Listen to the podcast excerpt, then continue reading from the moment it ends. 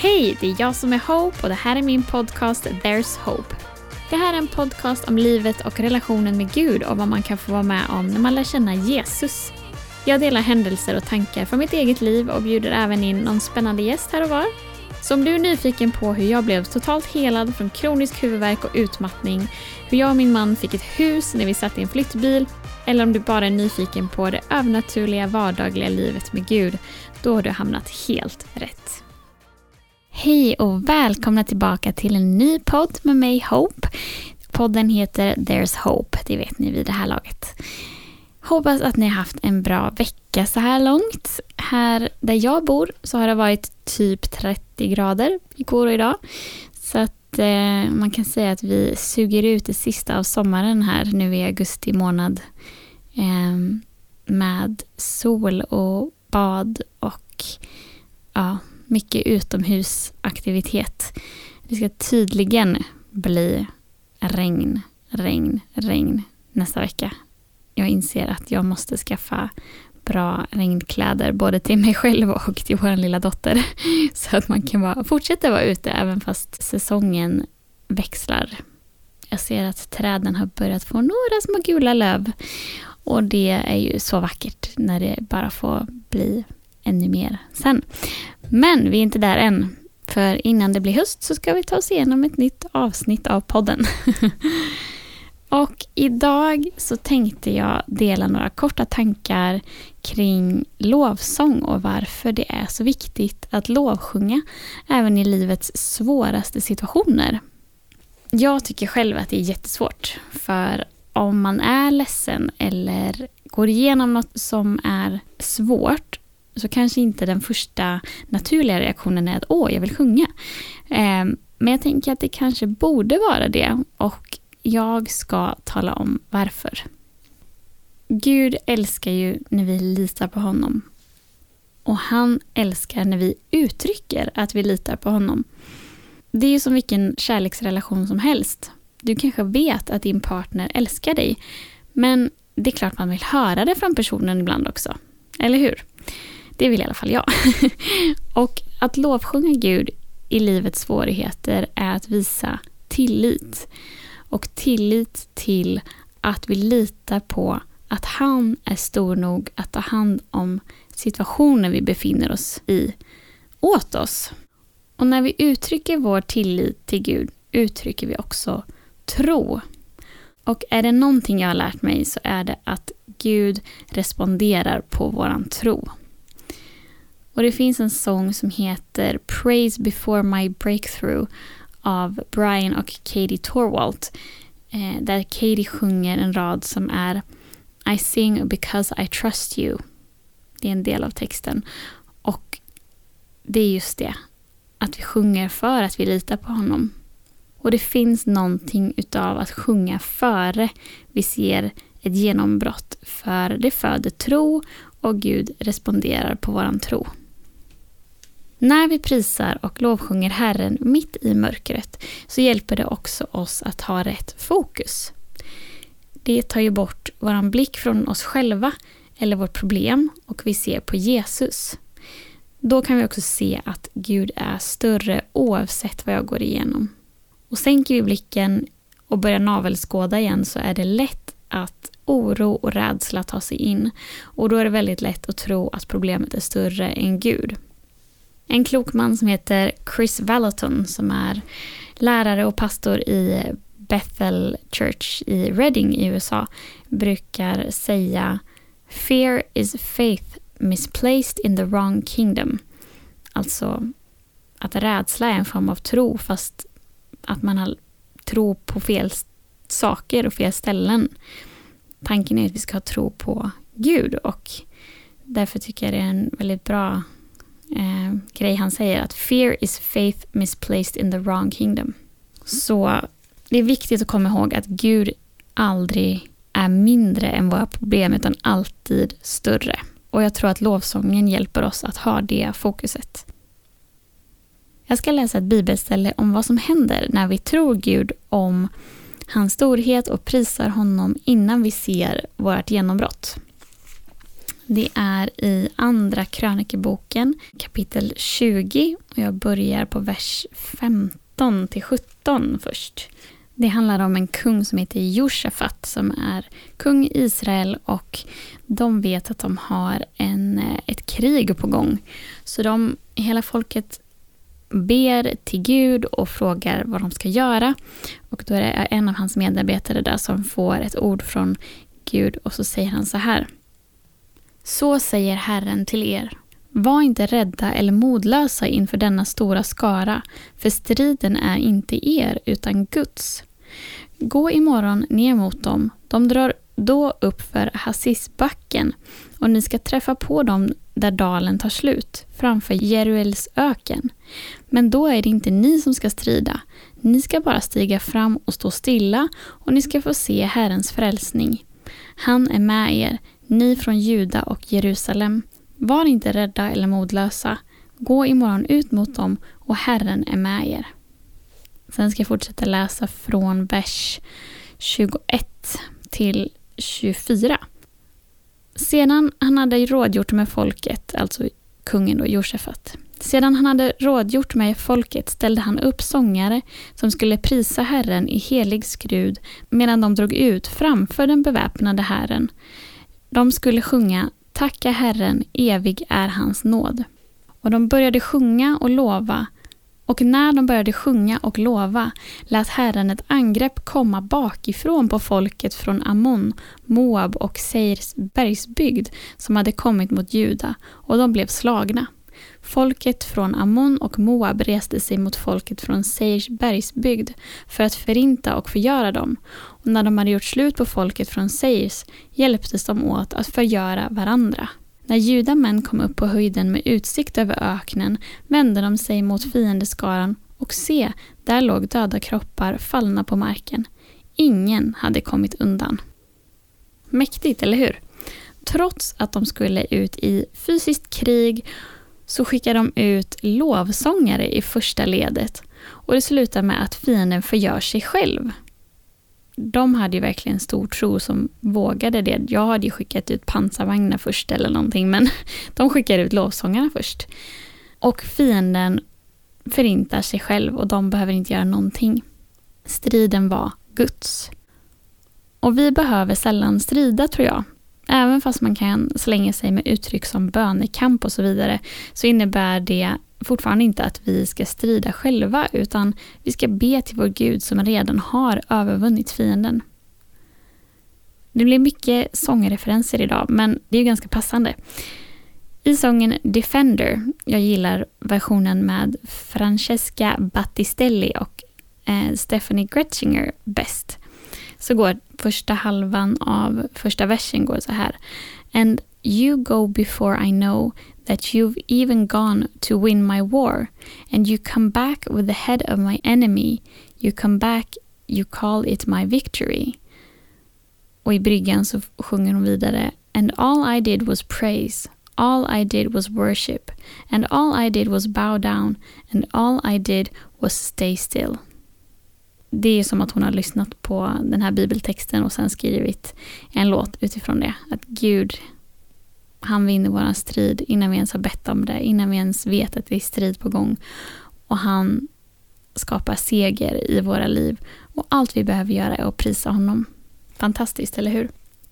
Vi kämpar kanske inte i strider som kung Josafat, tänker du. Nej, precis. Utan mot förstarna, makterna, världshärskarna här i mörkret, mot ondskans andemakter i himlarymderna, som det står i Efesiebrevet 6 och 12. Och sen följer verserna om hur vi ska stå emot allt det här. Och det är inte, som man kanske tror, en war plan där det står hur vi ska gå in i bönemaraton och tala mot mörkret och söka upp de onda andarna och för att kasta ner dem från sina fästen. Utan vers 10 börjar Till sist, bli starka i Herren och i hans väldiga kraft. Bli starka i Herren vers 14 till 18 fortsätter Stå alltså fasta, spänn på er sanningen som bälte kring era höfter och klä er i rättfärdighetens pansar och sätt som skor på era fötter den beredskap som fridens evangelium ger. Ta dessutom trons sköld, med den kan ni släcka den ondes alla brinnande pilar. Ta emot frälsningens hjälm och Andens svärd som är Guds ord. Gör detta under ständig åkallan och bön och be alltid i Anden. Vi ska alltså veta sanningen, klä oss i rättfärdighet, vi ska ha tro och vi ska vila i och tala Guds ord. Och vi ska göra det under ständig bön. Och när vi gör det, mina vänner, när vi vet vilka vi är och vad vi har i Gud, då flyr mörker. De där onda andarna i himlarymderna. För de vet att de inte har något där att göra. Och där vi lovsjunger, där skiftar atmosfären. Och där vi lovsjunger attraherar vi änglar. Och där vi lovsjunger är Guds närvaro. Det står i Bibeln att han tronar på vår lovsång. Det står i psalm 22 och 4. Och det innebär att han bebor vår lovsång. Han bor i vår lovsång. Och om Gud är på en plats så måste mörkret fly. Jag ska berätta ett vittnesbörd som jag hörde för ganska länge sedan så jag kanske inte gör berättelsen i sin rätta form. Men det är väldigt häftigt i alla fall att vänner till mig berättade att de hade träffat en satanist som hade blivit frälst. Och han berättade att när han gick på sina satanistträffar så brukade de ibland gå iväg till platser där det fanns kristna, eh, kyrkor och liknande och eh, kasta besvärjelser och liksom strida emot ja, mot det som pågick där inne på sitt sätt. Men han sa att på en plats där det uppgick lovsång så var det ingen idé att ens försöka. För det de gjorde hade liksom ingen kraft. Och inte bara på själva platsen utan inom en radie på flera kilometer. Nu minns jag inte hur många det var. Men förstår ni vilken kraft det är i vår lovsång? Mörkret kan inte vara där. Mörkret har ingen kraft när vi lovsjunger. Och det händer väldigt mycket spännande när vi lovsjunger. Så jag ska fortsätta med att läsa Apostlagärningarna 16, 23-26 också. Det handlar om Paulus och Silas. De hamnar i fängelse och eh, så här står det när, när de blir kastade i fängelset. De fick många rapp och kastades i fängelse av fångvaktaren som fick befallning att bevaka dem noga. När han nu fick en sådan befallning satte han dem i den innersta cellen och låste fast deras fötter i stocken. Vid midnatt var Paulus och Silas i bön och lovsång till Gud medan fångarna lyssnade på dem. Plötsligt kom ett kraftigt jordskalv så att fängelset skakades i sina grundvalar. I samma ögonblick öppnades alla dörrarna och allas bojor lossnade och föll av. Det är så häftigt. Och Paulus och Silas, de har inte bara ett litet problem. De sitter liksom i ett romerskt fängelse. De hade ju all anledning att deppa och vara oroliga och undra hur och när de skulle komma ut. Men trots det så är de vid midnatt i bön och lovsång. Själv hade jag säkert legat och försökt sova för att hamnar man i fängelse har man förmodligen haft en ganska lång dag innan det. Men vid midnatt så är de i bön och lovsång. Bara det. De vet att det är det bästa de kan göra i den här svåra situationen. Men lägg märke till en detalj i den här berättelsen. Det står att allas bojor lossnade och föll av efter det här jordskalvet. Gud räddade dem genom ett jordskalv och inte bara Paulus och Silas bojor lossnar, utan alla fångarna blev fria. Så, när du lovsjunger blir inte bara du fri, andra blir också fria. Så det finns många anledningar till att lovsjunga i livets svårigheter. Men framför allt, kom ihåg vem det är du lovsjunger. För då behöver vi sällan försöka leta anledningar. Och även fast det kanske känns svårt om man är i mörker eller dödsskuggans dal som många pratar om. Men vet du vem det är du lovsjunger så hittar man många, många anledningar, fler än de jag har nämnt här idag. Vad skulle jag själv sjunga om jag var i en sån där jobbig, tung period i mitt liv? Ja, alltså just nu så skulle jag säga att min favoritlovsång i svårigheter är eh, God I look to you med Jen Johnson. Och texten är så bra. Den går så här. God I look to you, I won't be overwhelmed. Give me vision to see things like you do. God I look to you, you're where my help comes from. Give me wisdom, you know just what to do. I will love you, Lord, my strength. I will love you, Lord, my shield. I will love you, Lord, my rock. Forever all my days. I will love you, God. Och sista refrängen går Hallelujah, our God reigns. Forever all my days. Hallelujah. Jag tycker den är så bra just för att versen är God, I look to you, I won't be overwhelmed. Alltså det är det, vi behöver inte bli överväldigade av problemen som kommer emot oss i den här världen. För vi kan bara se på Jesus. Och han tar striden, han tar bördan som vi bär åt oss. Och så fortsätter den, Give me vision to see things like you do. För Gud har alltid det rätta perspektivet på saker och ting. Han ser problemen från ett helt annat håll och kan vi ha hans perspektiv, då har vi också mindre anledning att vara ledsna eller oroa oss. God, I look to you, you're where my help comes from. Och det är sant. Det är bara från honom som vi kan få den bästa hjälpen. Give me wisdom, you know just what to do. Och han har bästa visheten. Världens vishet kan säga mycket annat, men Guds vishet är den bästa och han vet precis vad vi ska göra. Och refrängen I will love you Lord my strength, I will love you Lord my shield, I will love you Lord my rock, forever all my days, I will love you God. Och det sätter också vårt perspektiv och våra hjärtan på rätt ställen i svårigheterna. Att om vi bara fokuserar på att älska Gud. Om, liksom, det är därför jag tar upp den här låten just för att om jag får sjunga den här låten mitt i svårigheter, att jag ska bara älska dig Gud, så tror jag att det som sagt positionerar mitt hjärta och mitt fokus på rätt ställe oavsett vad jag går igenom.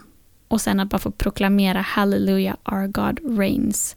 Han regerar. Forever all my days.